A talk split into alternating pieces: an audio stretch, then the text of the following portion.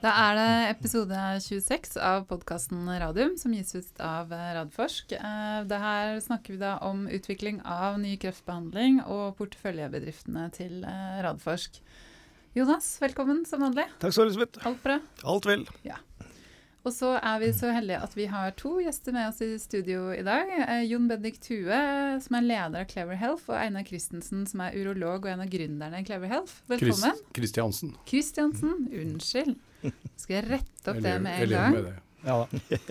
Det er bra. Og dere er her fordi det er 1. november, og november det er prostatakreftmåneden, og dere har eh, en tjeneste som henvender seg til menn som kanskje er bekymret for å få prostatakreft. Det er riktig. Ja. Vi het jo tidligere MyHair, så vi har nå endret navn til Clever Health. Så for lytterne som har hørt om oss før, så kan hende at de kjenner igjen det navnet. Men dette er et eh, prosjekt som, eh, som da også kommer fra Oslo Cancer Cluster, eh, og som er litt interessant fordi det har en idé som har oppstått både liksom i den kliniske hverdagen og i den tekniske hverdagen. Og Einar og jeg representerer da litt hver vår kant der. Så Einar har jo kan du kanskje si litt mer selv om sin bakgrunn og hvordan han har liksom kommet fram til eh, sin konklusjon da, rundt hvordan man bør følge opp eh, risiko for prostatakreft. Men det er jo en ganske spennende og, skal vi si, interessant reise du har hatt. Ja, jeg er jo i utgangspunktet da urolog og generellkirurg. kirurg. og har jobbet som avtalespesialist i Oslo i uh, 25 år. Og før det på sykehus. Og jobbet dedikert med prostatakreft i over 30 år. Og ser jo det at det vi trenger er en bedret diagnostikk på et tidlig tidspunkt. Før var jo ideen at man kunne ikke oppdage det sent nok. Fordi vi hadde så lite å stille opp så har behandlingene bedret seg betraktelig, og dermed har også interessen for diagnostikk kommet. Slik at nå i dag så er det masse som skjer i forskning og i det praktiske livet, ved at vi er tidligere på, vi er litt flinkere til å lete etter prostatakreft, og det er nok et omdiskutert felt, men som festner seg mer og mer blant eh, spesialister og blant publikum. Så før så ville man rett og slett ikke gi en diagnose fordi man hadde ikke noen behandling å gi, er det det du sier? Nei, man sa jo det at man skal ikke lete etter prostatakreft før man får plager av den, og det er inntil eh, ja, 15 år tilbake nå. Mm. Eh, plager betyr jo eh, spredning til skjelettet, Mm. problem med å tømme seg, smerter i bekkenet. Mm. Og da var jo svulsten definitivt kommet for langt. Mm. Eh, Det har vi, en del av oss, slitt med å snu den trenden der, og det er fortsatt leger som tror at man skal vente med diagnostikk til symptomene kommer. Det er egentlig helt feil, fordi at prostatakreft er jo symptomfri lenge Mm. før den sprer seg. Mm. Og så kommer plagene, men da har vi ikke så mye å stille opp mot det det er i dag. Men hva, hvordan behandles det i dag, da? Liksom når dag- man får diagnosen? I, I dag kommer det an på hva slags funn vi gjør, med en gang så klart. Men hvis det er en liten svulst med en lav blodprøve som er kancerspesifikk, men ikke prostataspesifikk, at den er prostataspesifikk, men ikke kancerspesifikk, den heter PSA. Hvis den er lav, så, så vil eh, ofte pasienten kunne bli observert, fordi den kan vokse sakte over år. Men derifra til eh, å begynne å bli behandlingstrengende, så begynner man da å tenke på en operasjon hvor man fjerner prostata, eller stråler prostata, alt etter alder og, og, funn. Eller man går så langt som at man eh, lar pasienten bli kastrert, kjemisk kastrert. Det er de store behandlingene i dag. Men der er det dere kommer inn med deres produkt. En tjeneste, en app. Hva, hva kaller det dere selv? Ja, vi, vi er litt, uh, litt vare med å si app, selv om det på en måte også er en, en app, app. Det er et app-grensesnitt mot brukeren, og det handler om å gjøre det pasientsentrisk eller brukersentrisk. Men det er jo egentlig en spesialisttjeneste som, som lever i bakkant med spesialister som Einar og et par andre kollegaer som Mm. sitter og vurderer disse prøvene.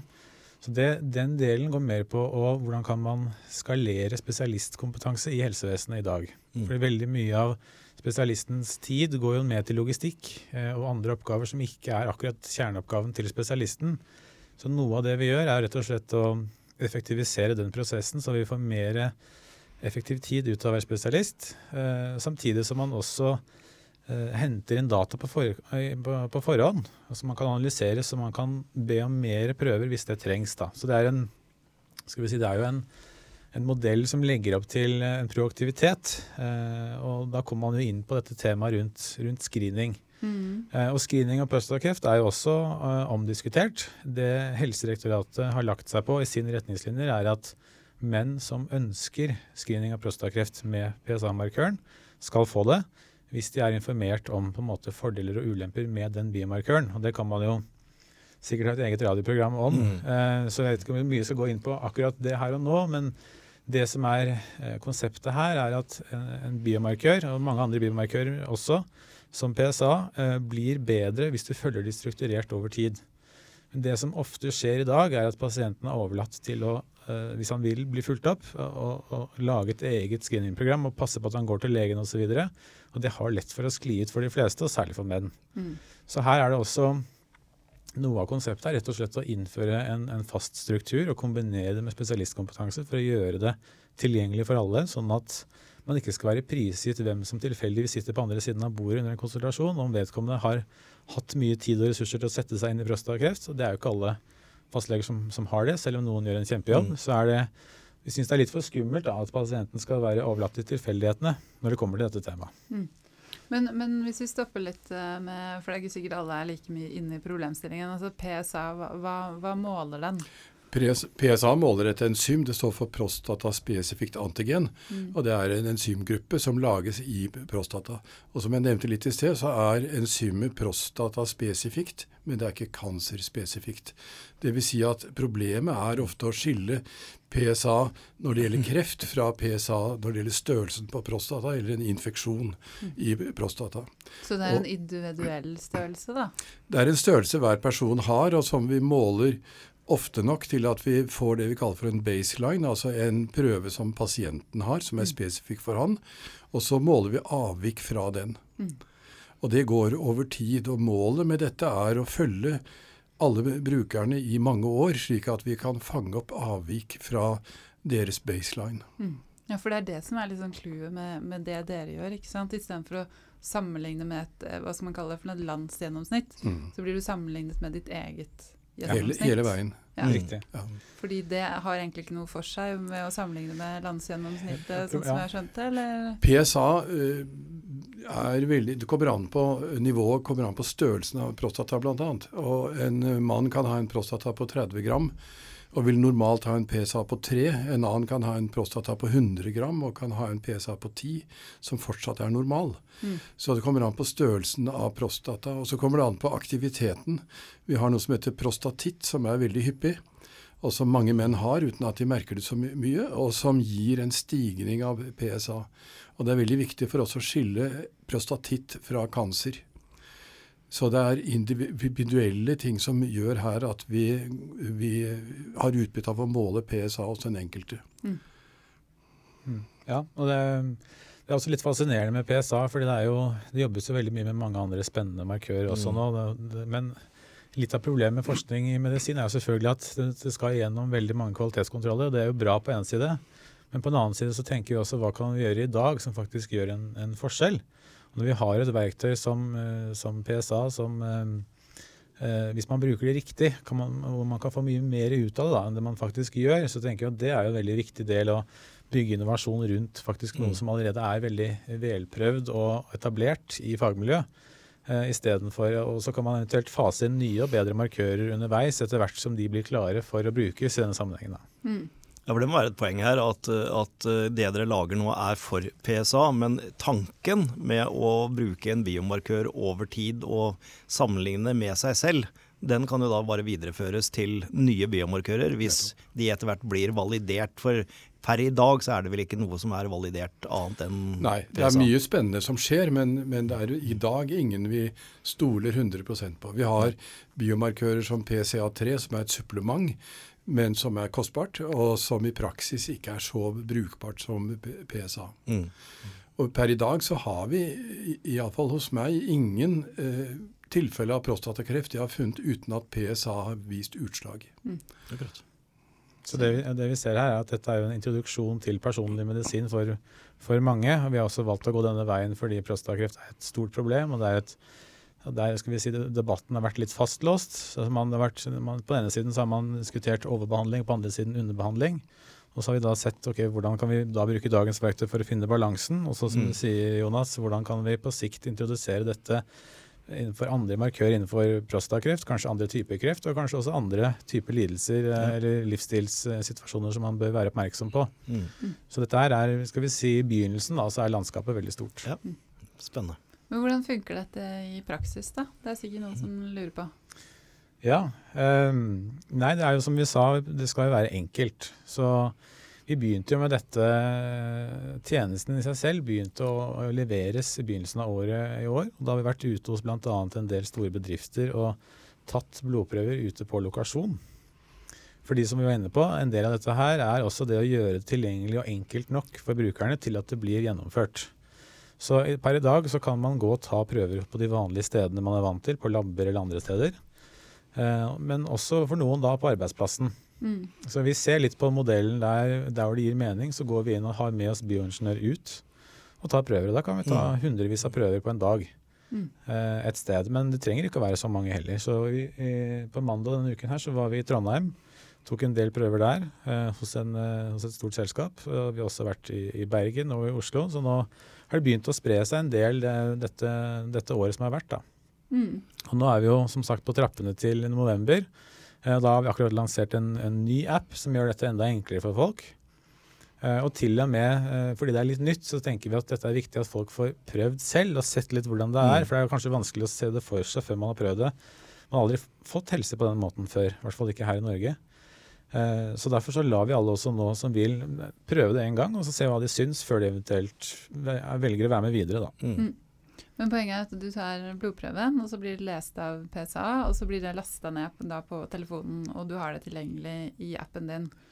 Og ja, så... men det, det, er riktig med en liten presisering, og ja. før det sendes ut, så gjøres det en vurdering. Mm. Eh, så da får du på en måte en tilbakemelding om dette er normalt eller ikke mm. normalt, eller om du burde sjekkes videre, eller Ja. ja. Vi, men eh, det som Einar kan snakke mye om, det er jo nettopp dette med den mykere siden av pasientkontakt. Jeg vet ikke hvor mange pasienter du nevnte det i sted, om hvor mange du har hatt gjennom årene, men du har jo sett det meste? Det, det er mange. Men um, det som er viktig, er at pasienten skjønner hva som skjer. Og da er en uh, app ikke godt nok. Nei. Så vi sender mye brev hjem til folk hvor prøven er litt høy. Mm. Og forklarer hva det betyr, og henviser dem til MR og til spesialist. Ja. Men det betyr også at veien fra første prøve eller andre prøve hos oss er veldig kort til han kommer til spesialist og får utredet dette. Og da går han inn i pakkeforløp som gjør at veien blir kortere og, mm. og raskere. Nettopp. Mm. Og det er jo ofte det som er veldig viktig når det kommer mm. til kreft. At du ja får rask diagnose og da rask behandling. Nettopp. ikke sant? Nettopp. Nettopp for å hindre disse fryktelige metastasene også.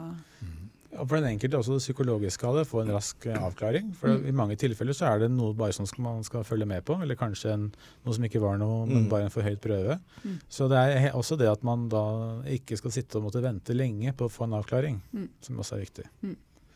Men, men, er det sånn at, eh, at uh, menn er Altså det tar lengre tid for de å gå til legen? Alltid. Ja. Alltid. Før så var det sånn at mennene ble sendt, ikke sant. Min ikke sant? kone har bedt meg mm. om å komme. Ja, Da har hun sikkert bedt eh, om det et år? Kanskje? Ja, ja, ja. Endelig. Og når kan jeg gå? Men det er litt sånn at uh, menn er trege. og den tregheten er imidlertid i ferd med å, å, å tape seg litt. Altså Jeg tror folk skjønner mer og mer. Det er litt presse rundt dette. Det er mm. sånne ting som dette. Så som er bra, som gjør at menn våkner litt og skjønner at de har interesse av å måle sin PSA. Mm. At det er billig, at det er farefritt, og ikke nødvendigvis betyr at de dør med en gang. Mm. Men at det er viktigere å bli fulgt opp for noe de vet hva er, enn å ikke vite. Mm. At det er liksom viktig med den informasjonen, ja. for da kan du forholde deg og ta grep. Nettopp. Og det jeg har erfart, er at alle er positive til at diagnosen blir stillet. De liker at den er stillet. Og vi har jo som leger trodd at pasienten skal spares for kunnskap om dette. Mm. Det er helt feil. Ja. ja, for usikkerheten er jo ofte det verste. Absolutt. I hvert fall nå, for da går man jo til doktor Google, og da Ja, og reiser utenlands og gjør all verdens annet. Mm. Mm. Jeg tror oppfølgingsaspektet er, er utrolig viktig mm. opprett, og jeg er helt enig med deg. Einar. Vi skal ikke være så redd for å, å stille en diagnose, men vi, det vi skal være redd for, og har vært redd for, det er å gjøre tester hvor vi svaret er at uh, her er det Du er kanskje i ferd med å utvikle noe, men vi kan ikke gjøre noe. Uh, den type diagnostikk er, er, skummel fordi den skaper så mye utrygghet. Mm. Men sånn som dere har lagt opp her, så kan dere gi en veldig god veiledning og si hvor, hvor det ligger en her. Og så er det jo sånn at når det gjelder prostatakreft og oss menn som uh, er på den alderen uh, vi er, så, så, er jo risikoen for at det utvikler seg prostatakreft før eller siden, mm. er på en måte no, en risiko vi lever med, og den er stor. Og da er det jo veldig greit å kunne gripe inn så tidlig som mulig. Mm. Ja, Dette er jo den hyppigste kreftformen eh, vi har. Mm. Hyppigst blant menn, men hyppigst også totalt sett. Med, med over 5000 nye tilfeller per år. Eh, og det er ikke sånn at det er noe man eh, lever med og ikke dør av. Det er faktisk over 1000 menn som dør av det hvert år. Mm. Men det er ikke de samme 1000. Altså det er ikke de som er blant de fem. De lever med det gjerne i ti år. Mm. Og det er over 40 000 menn som lever med prostatakreft i dag. Mm. mm. Ja, jeg, når det er praktisk spørsmål, fordi at uh, Du sa du kunne ta prøve på lab sa du. Ikke sant? Og jeg tenkte at du, en ting er at Hvis du har dette gjennom et firma, og det organiseres, og det er jo klart at det er jo kjempegreit hvis det er sånn at du liksom bare vet at du må være på kontoret på den tiden, og så går du bort og tar prøven, og så slipper du alt hassle rundt det å komme seg til fastlegen, bestille time, og det tar tid. Men du kan også som privatperson, hvis jeg har skjønt det riktig, gå på en kommersiell, vanlig laboratorium i byen uten at du har noe henvisning. Ja, du får henvisning fra oss, det er, det er riktig. Så det, okay. Så vi henviser da til Vi jobber sammen med de kjente lab-selskapene ja. her i byen og andre steder. Eh, og henviser som, som, andre leger gjør. Eh, de legene i systemet. Så da kan du gå rett og ta prøven eh, på de stedene hvor du vanligvis tar prøve utenom fastlegekontorene. Eh, vi har også rapportert inn prøver fra folk som har vært hos fastlegen, men vi opplever at mange syns noe av den convenience-delen er viktig også. Det at man da slipper å huske på å booke time selv og alle disse ja. tingene. Så vi prøver å håndtere det så langt vi kan for brukerne, så de skal mm. kunne lene seg tilbake og ikke måtte tenke på organisering. Da. Ja. Mm. Hvor, hvor, mange kunder har dere? Det er noe i overkant av 500 brukere nå som er mm. inne. Mm -hmm. uh, det, det, vokser ganske jevnt. Vi har en god del aktiviteter nå i november hvor vi skal rundt en del bedrifter, faktisk nye bedrifter, og holde både informasjonsforedrag om prostatakreft, som en, skal vi si, en, en allmennyttig tjeneste, eh, og så de som vil da etter det, kan få lov til å melde seg på til å prøve programmet vårt. da. Mm. Hvis du er privatperson som er en mann på 60 og har lyst til å være med på dette, hva gjør du da? Går du på iTunes Store eller noe? Ja, det, ja, er helt riktig. Du, eller hva det heter. Det, det, viktigste, det, viktigste, å huske er Clever Health, og så ja. skal du finne oss enten på nettet eller på om det er Google Play eller om det er AppStore. Men da finner du deg en ny app da, som sagt som blir lansert i dag. Eh, som er for øvrig eh, utviklet med midler fra bl.a. et Permides, et EU-instrument som eh, gjennom Oslo Cancer Cluster, som er veldig, veldig, bra. Det er også noe vi kan snakke mer om kanskje en annen, en annen mm. setting. Eh, men det, er, det, ligger ute nå, og det er, eh, det er eh, veldig flott og enkelt design på det. skal være lett å komme i gang, og det er til og med sikret med bank-ID, som er trygt og godt for ja. kjernegruppen vår av brukere. Som, det er et sånt login-verktøy som de fleste er, er, godt kjent med, og som fungerer bra. Da. Så det er, det er jeg godt fornøyd med. Så det er eh, allerede noen nye brukere som har kommet i gang med, med den appen også, da. Mm. Ja, For datasikkerheten her altså er jo viktig. Det er veldig viktig. Ja. Så vi har, vi har, et samarbeid med, med bl.a. Storbrann helseforsikring. Eh, og der har de, deres sikkerhetsavdeling også vært inne og gjort en, sikkerhetsrevisjon, eh, som var for et uh, lite selskap selvfølgelig en omstendelig prosess, men en veldig viktig prosess. Mm. Så det, for vår del så er det et uh, viktig kvalitetsstempel å ha med oss. da. Mm. Men hvordan, blir tjenesten tatt imot av, av leger? Andre leger? Både òg. Ja. Det er jo fastlegene vi på en måte tramper litt i bedene til. Mm. Mange er positive til dette fordi de avlastes, og de syns mm. at tjenesten sånn sett er, er god. Særlig når det gjelder folk som er operert for prostatakreft, så, så, har ikke de alltid den kunnskapen som skal til for å følge dem opp. Og de er glad for at de blir fulgt opp av spesialist. Uh, vi ser også stigninger som de normalt ikke ville reagert på. Mm. Og ikke minst alle brukerne får svar. Og det er det ikke alle pasientene som gjør. De, de får beskjed om at det er normalt, og at de ikke skal bry seg om Mm. noe mer. Mm. Eh, så er det noen som er kritisk eh, åpent, og det syns vi er positivt. Eh, vi vet at dette er i ferd med å endre seg. Vi vet at vi går i retning av screening. Det ble sagt på et stort møte nå sist at hvis noen sykdom skal screenes i vårt land, så er det prostatakreft. Vi ligger på tredjeplassen i verden av dødelighet for prostatakreft. Vi har mye å ta tak i. Mm. Svenskene er godt i gang, og vi må komme etter. Så de screener? De screener nå mer aktivt enn no, noen gang, og de finner selvsagt også mange flere tilfeller av prostatakreft. De er jo flere enn oss, Mm. men de finner mer enn dobbelt så mye som oss. Mm. Men hva, hva Veit man noe om årsaken til at det er så høy dødelighet i, i Norge? Eh, det kan vel ha vært at vi har vært litt sent i gang med å behandle. Mm. Eh, litt sent i gang med diagnostikk. Denne myten om at du ikke skal ta PSA på friske menn, har levet lenge. I USA nå så ser vi det veldig godt, fordi at der har man fra å skrine aktivt gått nå inn og sagt at det skal vi slutte med. Mm. Og nå ser vi at spredning hos eh, unge menn, altså prostatakreft med spredning hos unge menn, øker kraftig Mm. der borte. Ja, Nettopp. Men um, hvilken aldersgruppe hos menn snakker vi om her? Vi snakker om Uh, ideelt menn fra 50 år og oppover, men gjerne fra 45 år. Og så kommer det litt an på om de har arvelighet. Mm. Hvis det er far, uh, onkel, bestefar med prostatakreft, så bør de begynne litt før. Mm. For risikoen er jo mye større ved arvelighet. Nettopp. Um, jeg tror vi har fått en ganske godt overblikk over, over selskapet, men jeg har også Mm. skjønt at dere er nå midt i en, i en finansieringsrunde. Og det er interessant for uh, våre lyttere. Ja. det sitter mye investorer der ute, Jon Bendik. Så Ja, nei, det, det er bare å fyre løs. Kjøre pitchen Nei, her, vi, da. eh, vi hadde jo I fjor så hadde vi jo brukt dette presåkornsverktøyet til eh, Innovasjon Norge gjennom Invento og for så vidt også miljøet her. Eh, Det var et veldig godt verktøy, syns vi. Nå, og det var, planen var da å gjøre det vi skulle gjøre dette året her, og bygge skal vi si, brukerbase og få produktet i gang. Eh, Men da planen om å ha en ny kapitalrunde nå på slutten av året, eh, Mm. og den er i gang. Så der er vi nå i dialog med litt forskjellige aktører og ser litt på eh, skal vi si, hva som er den ideelle sammensetningen. Sist gang så hadde vi med oss en del Da var vi på et litt annet stadie. Da hadde vi med oss en del engler annet, og noen eh, litt større. Og nå vurderer vi litt, også litt, skal vi si hvilke aktører som kanskje kan ha et strategisk effekt, da, Ja. i tillegg til rene ressurser. Mm.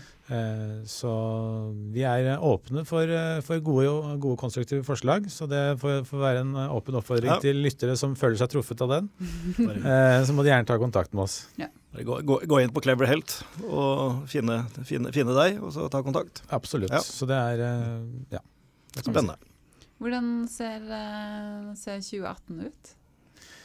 Jo, det er eh, fokus på vekst, da, selvfølgelig. Mm. nå har vi brukt tiden på å validere modellen vår, komme i gang med å, bygge en del interne systemer og skal vi si, kvalitetskontroll osv. Og, så videre, og gjøre klart for å kunne skalere. Eh, Så det har vært eh, mye av dette året. Og så selvfølgelig også finne effektive distribusjonskanaler, for det er jo viktig i den, denne bransjen vi er i, med tanke på forbrukerelementet.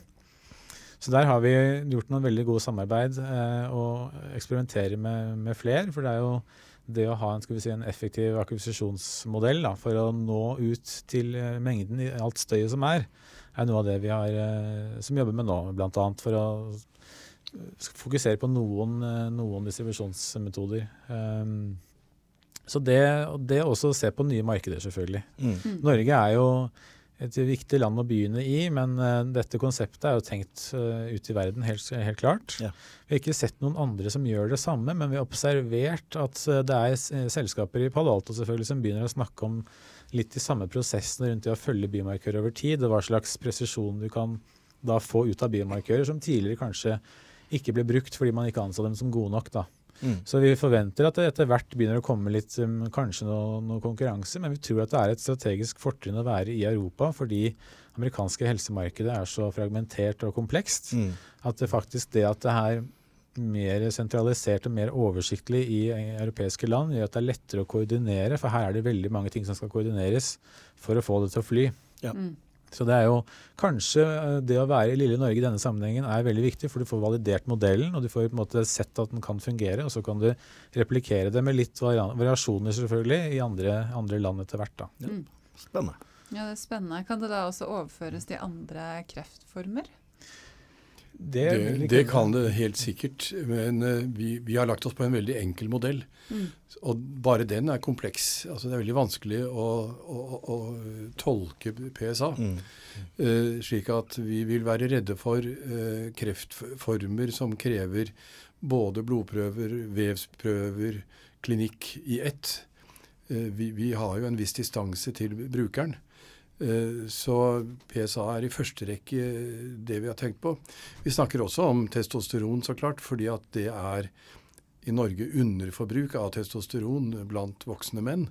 Eh, og vi ser at der kan vi også relativt enkelt komme til en modell hvor vi kan gi råd om klinikk og, da, og behandle det i etterkant. Så det, det kommer nok. Okay.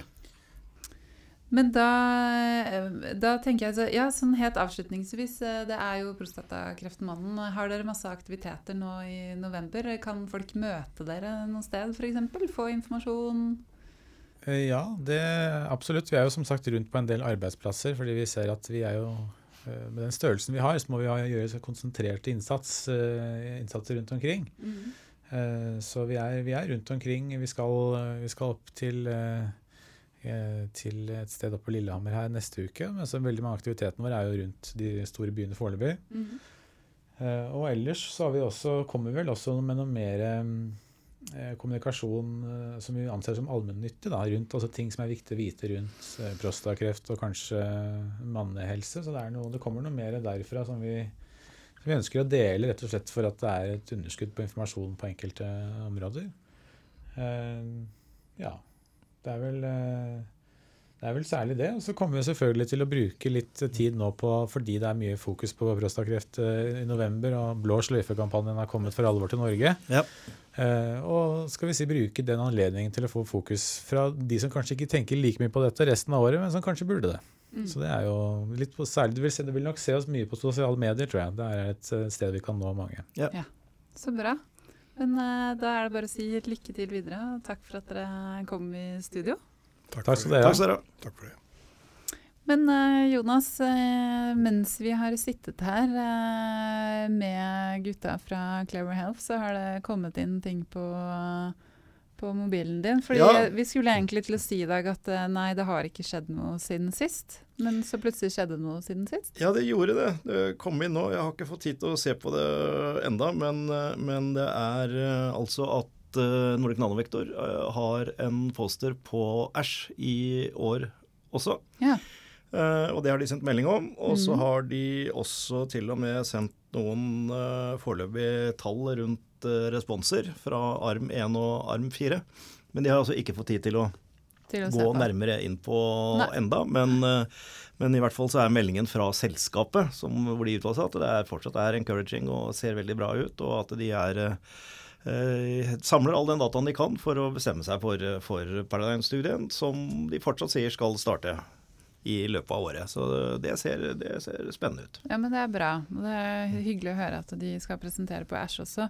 Eh, jeg tenkte Det andre jeg skulle si under eh, aktuelt, eh, er det at det nærmer seg tredjekvartalsrapporteringer. Ja. Eh, Targovac skal ha 2.11., Fotokur 8.11., og Nordic Nanovektor skal det ha 22.11. Mm -hmm. ja. Og det er eh, i, i, Vi forventer jo som vanlig ikke noen eh, store nyheter eh, på det. Det mest spennende der er vel antagelig at Nordic Nanovektor også har Capital Market Day mm. den dagen. Hva innebærer det egentlig? Nei, det betyr at de inviterer spesialister fra rundt omkring i verden til å komme og snakke om, om betalutin, om produktet og om kliniske studier. Mm. Så du får på en måte anledning til å snakke og stille spørsmål også til de som jobber med produktet ute eh, hos pasientene. Ja. Så det pleier alltid å være spennende. Og da pluss selvfølgelig at de nå eh, får analysert nærmere disse tallene som, eh, som, kom nå, og så får vi litt mer oppdatering på det. Ja, 22.11 bør man legge merke til hvis jeg, man har uh, Ja, jeg mener det var 22.11. Ja, jeg tror også det er samme dagen som de legger frem uh, tredje kvartals. Og når det gjelder eh, fotokur, så er det jo også litt, litt spenning eh, nå, da. Fordi at uh, denne refusjonsordningen mm. i USA, med at de skal få refusjon, som jo er viktig for selskapet, den er, skal komme on or about November 1st. Ja. Og det er jo 1.11. i dag, så ja. nå sitter en del og følger med nå og ser om om den meldingen kommer i dag. Ikke sikkert den kommer i dag, den kan komme om noen dager, men, men, den kommer i løpet av veldig kort tid. Så det er spennende. Ja, det er spennende. Da kan vi eh, kommentere den uh, neste uke. Ja. Men uh, vi, vi, har fått inn et uh, spørsmål fra en lytter som jeg vet du var veldig begeistret for. Og jeg, jeg vet også at du har jobba litt med, med, Roy Larsen for å få litt ja. svar. Jeg kan lese opp spørsmålet. Der går jo da på betalutin og arm 4. Jeg håper dere kan belyse i neste sending. I de siste månedene har det versert tankerekker på spesielt Hegnar Online om at en predosering på 100 mg vil mette såkalte mikrotumorer, altså utvandrede NHL-celler, og at dette vil gjøre effekten av behandlingen kortere. Ja. ja. Eh, fordi at uh, man nå gir større predosering. Uh, og, og, tanken uh, rundt det, at det kan, kan, skape et problem med at på en måte de allerede er metta, sånn at den CD37 med lutetium ikke kommer til disse enkeltcellene, det er også helt riktig. og hvilken betydning dette har, har jeg da måtte jeg for å være helt sikker, så måtte jeg få Roy Larsen til å, å forklare meg dette veldig nøye. Eh, og det han, det han, sier, er at predoseringen er jo først og fremst fordi man eh, med Cevalin og Bexar, som er da disse CD20 med isotoper som har vært tidligere, så så man at ved predosering så fikk man en bedre beskyttelse av de organene man ønsker å beskytte, nemlig mildt, lever, nyre, benmarg. Og Derfor så, så, fant man da ut at man skulle se på dette, også med betalutin. Og Det første man gjorde, var jo å gi et par pasienter uh, Battleteen uten predosering i det hele tatt. Uh, de fikk en knalleffekt, mm. men ble veldig dårlig. Mm. Altså så var det viktig med, med, predosering. Og det er det de har sett nå med 1540, som ser ut som er en veldig bra balanse. Men de resultatene der er veldig gode. Mm. Men kan de bli enda bedre mm. med å gi 20-100? Mm. Og da er spørsmålet er den med å gi såpass mye vil det da gjøre at disse mikrometastasene eller enkeltcellene ikke blir tatt. Og det Roy sier, det er at med forbehandling med rituximab og kaldt CD37-antistoff, eh, så vil de i seg selv forhåpentligvis, og tror han, lysere, altså ødelegge de sirkulerende cellene. Mm. Fordi de, rituximab er jo, er jo, dreper jo de kreftcellene. Mm. Sånn at han mener at det skal være, og, og delvis også kalt CD37, selv om det internaliseres og det dreper ikke så mye, at det skal ta knekken på de sirkulerende cellene. Selvfølgelig vil også sirkulerende celler bli tatt av betalutinen. Eh, og den kombinasjonen da av at de eh, betalutin med isotopen tar noen celler, og forbehandlingen tar noen, mm. så mener han at det til sammen vil gjøre at også den delen eh, av cellene blir, eh, blir, eh, blir, drept. At du både får den beskyttende effekten, men at du ikke får en dårligere effekt på de sirkulerende. Mm. Hvorfor man er opptatt av de sirkulerende, er at de har ikke så mye bindingssteder, en enkelt celle eller noen få celler, og derfor så teoretisk kan de bli metta. Mm. Eh, mens på, på, der hvor du er inne i lymfeknuten, hvor det er et hav av kreftceller, så vil du aldri klare å mette det. Nei. Så der vil den virke uansett. Mm. Men det er jo viktig å ta disse sirkulerende, for det er jo de som kan da ja. gi opphav til uh, til nye kreftsvulster? Ja, så det er Roy, sitat Roy. Nano mm. forbehandler både med CD20 og CD37 antistoff før betalutin gis, og burde således også ha forutsetning for å kunne slå ut enkeltceller og mikrometastaser med den immunterapeutiske effekten om stråledosen skulle bli redusert i denne sykdomskomponenten. Mm. Eh, og så sier han helt til slutt det vil imidlertid være nødvendig med noe prøving og feiling for å finne optimalt kompromiss mellom forbehandling og betalutindosering, og det er dette som nå foregår i mm. Nordic Nanovektor. Nettopp. Jeg håper det belyser dette. Det tror jeg absolutt eh, at det gjorde. Um, vi er veldig glad for spørsmål, så det er bare å sende inn til enten eka.radforstått.no eller direkte til Jonas på je.radforstått.no. Ja. Um, du skal ha et hjertesukk, men jeg tenkte jeg skulle først si at uh, vi skal ha en, en, veldig spennende og litt annerledes gjest neste uke. Hun heter Anne Spurkland, og hun er professor i immunologi. Hun har akkurat gitt ut en bok som heter uh, Immun, som jeg har sittet og bladd i i dag, som jeg synes virker kjempebra. Så det blir, det blir ordentlig moro, ja. Jonas.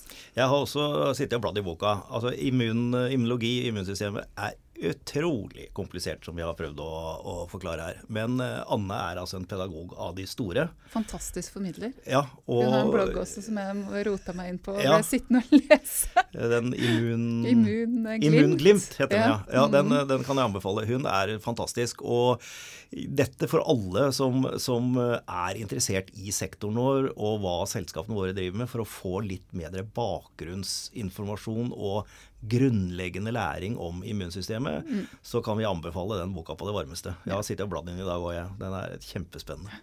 Men da er det hjertesøk. Da har vi dagens hjertesøk. Ja, vi har altså fått uh, nå et uh, spørsmål som jeg har vært inne på nå. Jeg syns det er veldig morsomt å få sånne utfordringer. Jeg kan ikke garantere at jeg klarer å svare på alle, men jeg kjenner nå en del av disse spesialistene, så jeg kan få litt, uh, litt hjelp, og eventuelt ta de med sjøl hvis vi trenger det. Så vi vil gjerne ha den, den type spørsmål. Uh, ja, jeg fikk et, et, spørsmål til fra, fra samme herremannen eh, når han uh, svarte meg på den mailen jeg sa at vi skulle ta det opp.